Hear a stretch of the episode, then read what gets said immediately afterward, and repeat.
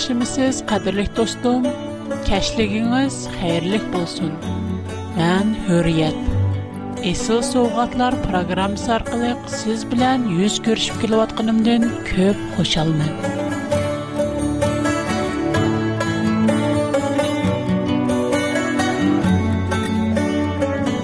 Mən bilən bir götküzgən muşu qısqığına yarım saat vaxtınızdan.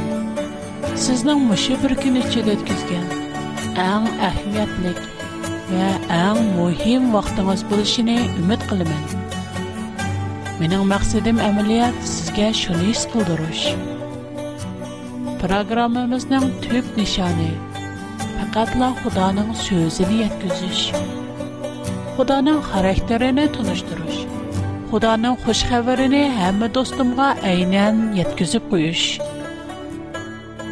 Balkim programmamızda roman, hikaye anlatış programmalarda külkülük, yumorluq gaplar yo'q. Biroq uningda Xudoning haqiqiy va buyuk muhabbati bor. Shunga do'stim, sizning har doim programmamizga qatnashib turishingizni orzu qilaman. Bugun qadrli do'stlarim bilan biz öz savabımızga dayanıp cennet kikirelendik degen tem üstüde söhbetleşmekçimen. Qadirlik dostlarımnın mən bilən birgə bu əqtdə əstayidil izdinib görüşünü ümit qılımın. Biz öz savabımızga dayanıp cennet kikirelendik. Köpünçimiz öz savabımızga dayanıp cennet kikirimiz dəb Әм үз яхшы эш әмәлләребез аркылы дәннәткә киришкә тирешмиз. Ондакта дәннәт кандак чай. Дәннәт Худа турдыган мутлак, сап ва пак ер. У ерг пакат бүтүнлей пакланган ва адил кылынганлар хаккани кишилерле киралайды. Бирлекатым гунах садыр кылган адам – Ита, а сиздикен набах булган булыды. Алайрок безнең адамәтмиз белән һава анемиз бер кат тәң кунаһ садыр кылып, набах булган, улыгылыктан курык калган. Уларның кунаһ садыр килиш җыяны Тавротның ярытылыш кысымы 3-нче бабында әне хатırlанган. Яңа Куран-Карим 2-нче 36-нчы аяттымы, баян қылынған. Шейтан у иккисини тейил дурды. Мен и кылынган дарахнын мевисин йүзүп, туруп аткан жаннаттан чыгарды. Ондакта гунахнын акыбыты неме? Мукаддас китап Инжилнын хат 6-нчы бап 23-нчы аятта мондак Gonahnan badeli ölüm. Şondaq adamatimiz hawa önimiz gonah qılıp Hudaňyň ulyglygyndan mahrum boldy. Bu wagtdä Injil rimliklarga hat 3-nji bab 12-nji ayat 23-nji ayatlarda mondaq diýilgen. Adamlaryň hammىسى ýoldan çatnady. Ärzimes bulup çykdy. Mihraballık qılğıcı yoqtır, hatta birimə. Adəmlərin hamsi günah sədir qılıb, Xudanın uluğluğu qətilməy, onundən məhrum buldi. Çoğamış bu dünyada birmı pak səb adam yox. Həm Əisa məsihdən başqa heç qandaş pak səb adam olub paxmğan. Adamat bilən hava ana Худаның яхшы белән яманны бүлдердегән дарахның мейвесен исәң, чокым үлесән дигән сүзгә ишәнде. Улар мейвене йиде. Худаның кануны буенча үлеше кирәк. Худа әйткән үлем кайсы үлемне күрсәтте? Безнең беренче кытымлык үлемебезне, яни мошы дөньядагы үлемебезне күрсәтәмдо яки тозакнымы? do'zaxdagi haqiqiy o'limimizni ko'rsatamdi xudo odam oti bilan havo oniga o'z eg'izi bilan jakorlagan o'lim do'zaxni ko'rsatdi chunki bizning mushu dunyodagi o'limimiz hech qandaq azob yo'q sazgu bilish yo'q qabridagilar cheriklarning ishini bilmaydi Ular hech nimani anglay ko'rolmaydi. Xuddi muqaddas kitobda odam uxlaganda o'likka o'xshash deyilgandek, insonlarning mushu dunyodagi o'limimi xuddi uxlaganga o'xshash. Ular vaqtni o'zining qabrida qanchalik uzun turganligini bilmaydi. Hech qanday azob o'ylash Әақиігі үлім пақат дозақты булды. Қиямэтті дозақ қыташланғанда адамлар әақиігі түртті үлуды. Шындах булғанда бізнің адаматымыз білян хава анимыз дозақа керешке лайык. Улар өз қулықи білян худанын сөзіні анлап дырып уни бузмир ма, униңа асила Hudaa naity adil. U adil bolgashga adam aty bilen hawa anyga adil hukm çıkarmaşy gerek. Eger bir soçy bir qatylnyň jinayat faktlary tolıg isbatlandygan ken, onuny gaçyrym qolyp, ony quywesse, kişiler onuny qayt bolamdy. U adil soçmu? Elbetde emas. Шуңа Худа әгәр Адам белән Хава анага кечирим кылып, аны куйвәсә, уму адил эмас. Бара Худа адил булып калмай, яна найти мехрибан. u o'z yaratgan insonlarni shu qadar suydi qandoq qilish kerak insonlar uchun noiti tas bo'lgan ish xudo uchun noiti oson Иnsanlar qılalmaydığı işni Xuda asalla vücudğa çıxırdı. İncilning İbraniylarga yəslən xatqışımı 9-cı bab 22-ci ayatda mondaq diləgən. Darvaqa müqaddəs qanun buyucə həm nərsidigidək qan bilan paklanıdı. Qan tökülməy turub günahlar keçirəm Шуңа Худа гунахкар булган адамны гунахи юк, халал һәм һеч кандай кусуры бер хайванны курбанлык сүпетидә калтырышкә буйрыган. Гунахкар өзенең үлеш китегичлек өзге өзгә әскәр төш өчен курбанлыкны суеп, от үстигә куешне буйрыган. Албуки гунах орныга суелган бу Гунахне вақтлик епеп туралайду. Бу курбанлықларның һәммәсе Худаның келгошыда инсандарның гунаһын үз үстигә алдыган һақиқи курбанлыкның символы. Махташ аралайсен әйса. Улыглайбыз фарнамыны. Зән дигән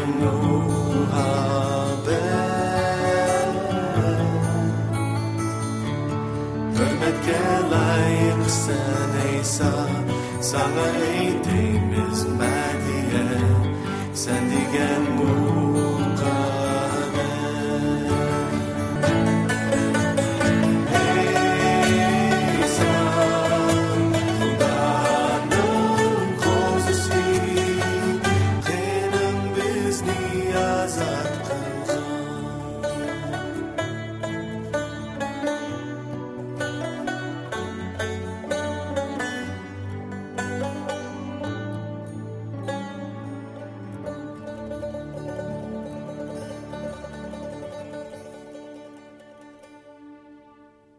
Қурбалы қылындыған барлы қайуаларының қиметті бір му адамның кунахи үчін бадал бұл алмайды. Куран-керим 5-сюре, Маиде, 32-ча айатта мандах язылған. Шу Исраил авладыға үгім қылдық нахак? адам ұлтрымиген, яки, яр юсиде бозғанчили қылымған бір адамны ұлтрысэ, о бүтюн инсаларни ұлтрыгандек болды. Кимки бір адамны тир ұлтрысэ, о бүтюн инсаларни тир ұлтрыгандек болды. Диме, худа бүтюн инсаларни тир ұлтрыгандеган, ам, bütün insanların günahı üçün öldüğən qurbanlıqni verdi. O qurbanlıq haqqında Tevratdakı Yeşaya peyğəmbərinin kitabı 52-ci bab 13-cü ayətdən 53-cü bab 12-ci ayətgəcə munda xatırlanğan. Pərverdigar mundaq dedi: Көрөңлар ки, менен кулум даналык белән иш көрдү. У халыкның алдыда юқуры орынга көтүрүлдү. Нахайети юқуры орынга эриштүрүлдү. Лекин нургон кишилер уни көрүп, интайын хайран кылышты. Чүнки унун чырайы башкаларныкыдан көп сахмиленген. Оның турқы шу дәрежеде бұзу тілген ке, оның да әтті адам сияқы мұ қалмыған. Шындақты мұ о, нұрғын қоғымларға қан чечіп күнақларыны юйду. Бізнің қәвірімізге кім мұ шенген? Әм пәрвердігарның білікі болған кіші кімгі мұ біленген? Құданың құлы өзінің алдыда құдды юмран өскен Ұу ғудди қургақ тупрақта үлдіз тартип өскен өсімлик ұхшыған иди. Оны көргенімізді оның көліп қылғды кирайи, ялги, салабди йоқ иди. Оның тақ турғыму бізні өзге мәхлия қылалма ідди. Ұу кішилар тарапидын чадки кақылди хам кәмістілди. Оныңа көп дарт әлем Azap oqibat yar buldi. Ameliyat bolsa, u bizning qayg'u asirtimizdagi turib, azob oqibatlarimizni o'z ustiga oldi. Biz bo'lsak, bu ishlarni uni Xudoning jazoli xalliqki, urg'onliqqi va qiyniqliqqi deb qaradik. Lekin u bizning itoatsizligimiz tupaylidan yaralandi. bizning gunohlarimiz uchun zahmlandi. Оның жазаланыш бәділіге biz арам таптық.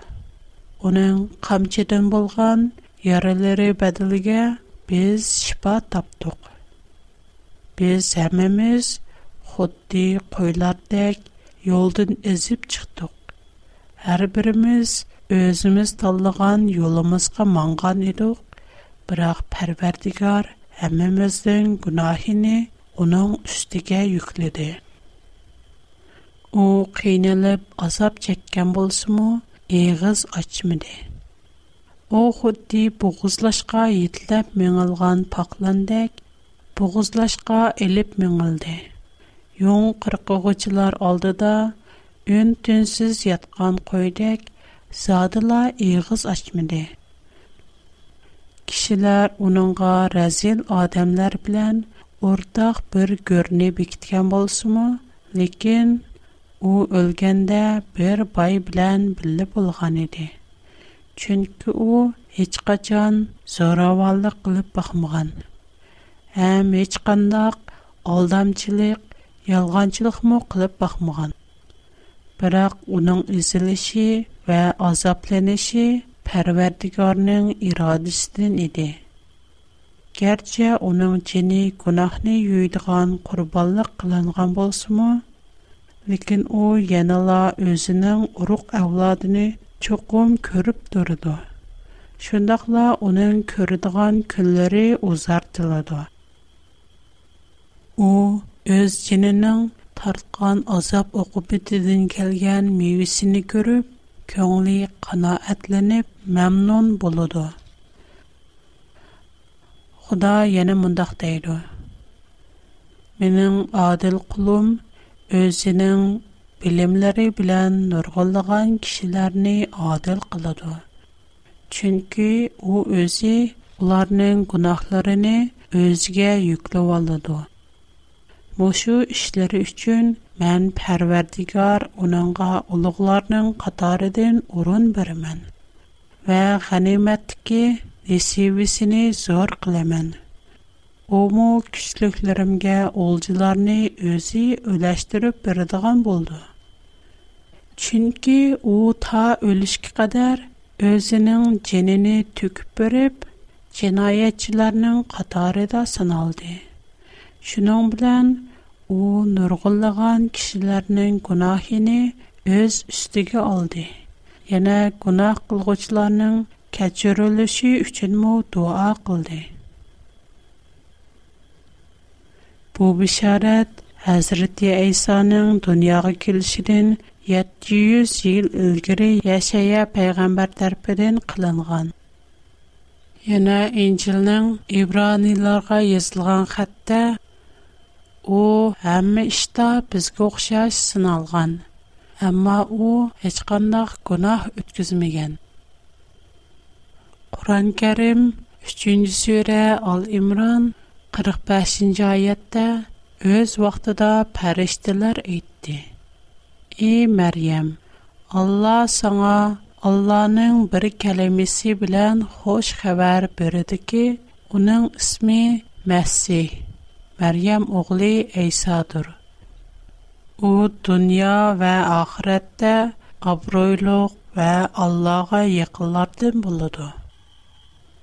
Yana Tevrat Yaşaya kitabı 7-ci bab 14-cü ayət və İncil Mətta bayan qılğan xoş xəbər 1-ci bab 23-cü ayətdə mondaq deyilgən.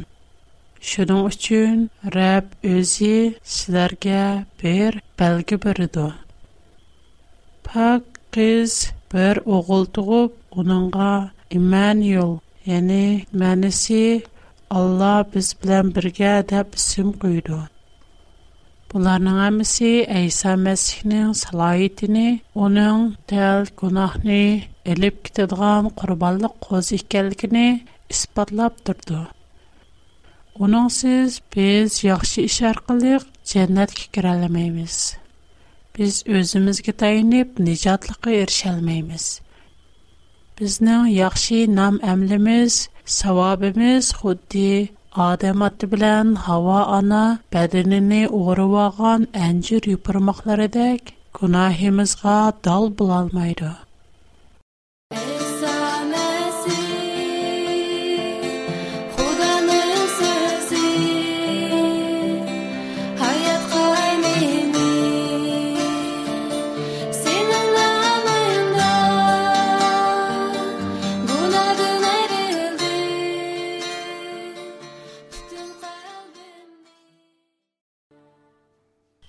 Мен бу ердә Куран Кәрим 5-нче сүре Маидә 32-нче аятны алаһида тәкрарлап үтмәкчемен.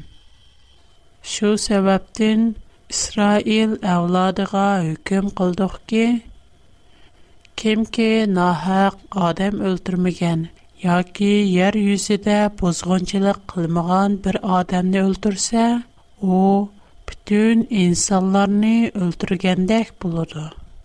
Kimki bir бир адамни тир үлдурсэ, о битун инсаларни Bu үлдургендэх булуду. Бу аятларның мәнісіні чүніп көрейли. Ким ки кунасиз бир адамни үлдурсэ, битун дуниадики инсаларни үлдурген билан баравер. Айса Мэссих кунахсиз іди, халбу ки о кишилардар Demək, kişilər onu kiris qımaqlab öldürgəndə bütün dünyanı ölümgə hüküm qıldı. Bütün dünyadakı insanlarını öldürdü. Əgər İsa Məsih halısa, yana kishilarni qutqiza oladi kishilarning gunohiga kechirim biralaydi chunki qur'oni karimda aytilgandek faqat pok va gunohsiz sourses kişiler insanlarnı qutquzalaydı Şuğa biznıñ sawabımız biznıñ yaxşı iş emlimiz heç nimigə arsimaydı Biz ül sawabımız bilən cənnətə kirəlməymiz Çünki Xudanıñ nəzərində insan sap yoki sap eməs pak yoki pak eməs deb ayrıldı Xəli pak yoki pokroq deyish mavjud emas. Inson bolasi tamoman soplanib, yangilanmoqcha jannatga kirolmaydi. napok odamlarning jannatga kirishiga yo'l qo'ydi mudayloq. Agar napok kishilar, gunohkorlar jannatga kirsa, u yana pok va mukammal sop joymi? İnsanlar öz rezillikini o yerde mu davamlaştırmaz mı? O yerde insanlarını günah ötküzmeydi de kime italaydı? Bir oğri türmege taşlanışı yoki qo'lining kesib etilishi bilan o'g'irlik qilishni bir sinaxo'r qattiq qamchilanish bilan sinaxo'rlik qilish xohishini o'zgartirishi notayin Гүнахкар инсанмо агар өз қалбини яңалап, имани билан хаққани адил болмаса, пахланмаса, жаннаттымо өз хайшини өзгертилши натайын. Агар шундах болса, жаннат бір топ гүнахкар кишилар билан толса, о яна гүзел жаймо. Агар жаннатта яна гүнах мавжуд болып тұрса, У чае хошалык кайнап турдыган бахтлык мэкәнме?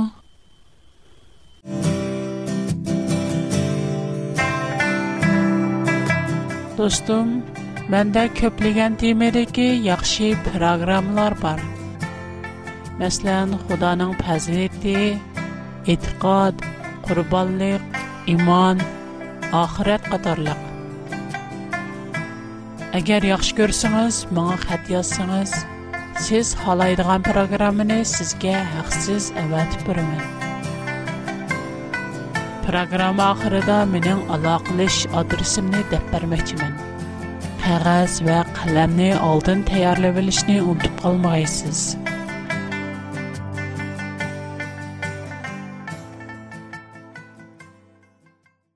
Yuqorqi mazmunlarni takrorlab o'tsak, Худаның адиллығы әрбір бір гунах үчін гунахкарның жазаленішіні тәләп қылды. Бірліқытым өткізілген кұнаққа тегіштік болған жаза мәңгілік өлімдір. Ені худадын айырылыш, дозақ. Бір адамның өмір вайет қылған яқшы ішемді, пақат оның қылышқа тегіштік болған іші. inson o'zining yaxshi ish amli bilan o'zining birmu gunohini yuyolmaydi yaxshi ish qilish faqat insonning qilishga tegishlik burchi xudo naiti mehribon va shafqatlik u bizni naiti cho'nqur so'ygi bilan so'yganlikdan bizni qutquzishni xohlaydi u o'zining odilligini mehr muhabbatini qanoatlantirish uchun masih aysoni bizning o'rnimizda gunohlarimizning jazosini o'z ustiga elishi uchun uni avatgan masih aysoning ulushi har bir insonning har bir gunohi uchun tegishlik bo'lgan jazosini o'z ichiga olgan Мәсих біздің гунахларымыздың әмісіні өз разылығы білән үштігі іліп, керістігі мұхланып, өзіні құрбалық қылған. Құда оның құрбалықыны құбыл қылды. Шуңа оның бұ құрбалықыны құбыл қылғанлықыны іспатлаш үшін үш күнден кейін Мәсіх терілді. Құда өзі берген құрбалыққа иман айтқан. Гуна хеден пахлене йынгы калепкә ике булган һәрбер кешенин гунаһын кечүрәм кулды. Шуңа безнең куткышлы юлыбыз фаҡат иман итү эш һәм Аллаһның безгә бергән ҡурбанлыҡына ишин bu Моны бу дженнәтне берҙембер юлы. һеч ким өҙгә o'zining yaxshiligiga tayinib jannatga kirolmaydi unutib qilmayli bizning burchimiz yaxshi ish qilish bu ham bizning qilishga tegishlik birdan bir ishimiz agar gunoh qilsak chuqum o'limiz imon aytsak xudo bizga nijotliq yo'lni ko'rsatib turdi qur'oni karim 3 sura nisa 55-nji ayetde bu wagtda mundaq diýildi. Öz wagtyda Allah etdi: "Ey Иса, men seni qabzy ruh qylman, seni dergahymga köterimen. Seni kafirlardan pak qylman. Saňa ägäşkenlerni qiyamet kiçe kafirlardan üstün qylman." Hudanyň qurbanlygyna şänsek, İmanı İssaq u bizga jannatni va'da qilgan jannat go'zal va pok joy u yerda o'lim og'riqsaloq urush jidal qayg'u hasrat va mushu dunyodagi har xil razilliklardan qilcha asar yo'q Мәңгүлек аят безне саклап торды. Кадерлек достым, халысыңыз uningga erisha olasiz jannatning ishigi har vaqt sizga va menga ochilishga tayyor xudo muqaddas kitob orqali bundoq deydi qarang man ishik oldida kimki ishikni cheksa man uningga ishikni ochib beraman bugun siz bilan suhbatlashib ko'p xursand bo'ldim kelar qatim siz bilan yana yuz ko'rishishni siz bilan paranglashishni orzu qilaman yana sizdan xat topshirib olsam bak xushal bo'laman agar maga xat yozishni xohlasangiz mening tor adresim huriyat at yozildi h u r i y e t çəmbər içində e b i g f o o t çikit c o m mənə bu mənim tor adresim mənim xat a w r bunlar çox yazıldı 17-курга чоң p чик ке чоң o чик чөң b кичек o кичек 210 8-курга чоң h кичек o кичек n кичек j чоң k кичек o кичек n кичек j кейінгі қадам көрішкіте аман болың. Құда сізге бәқіт берсін. Қош, Құдаға манет.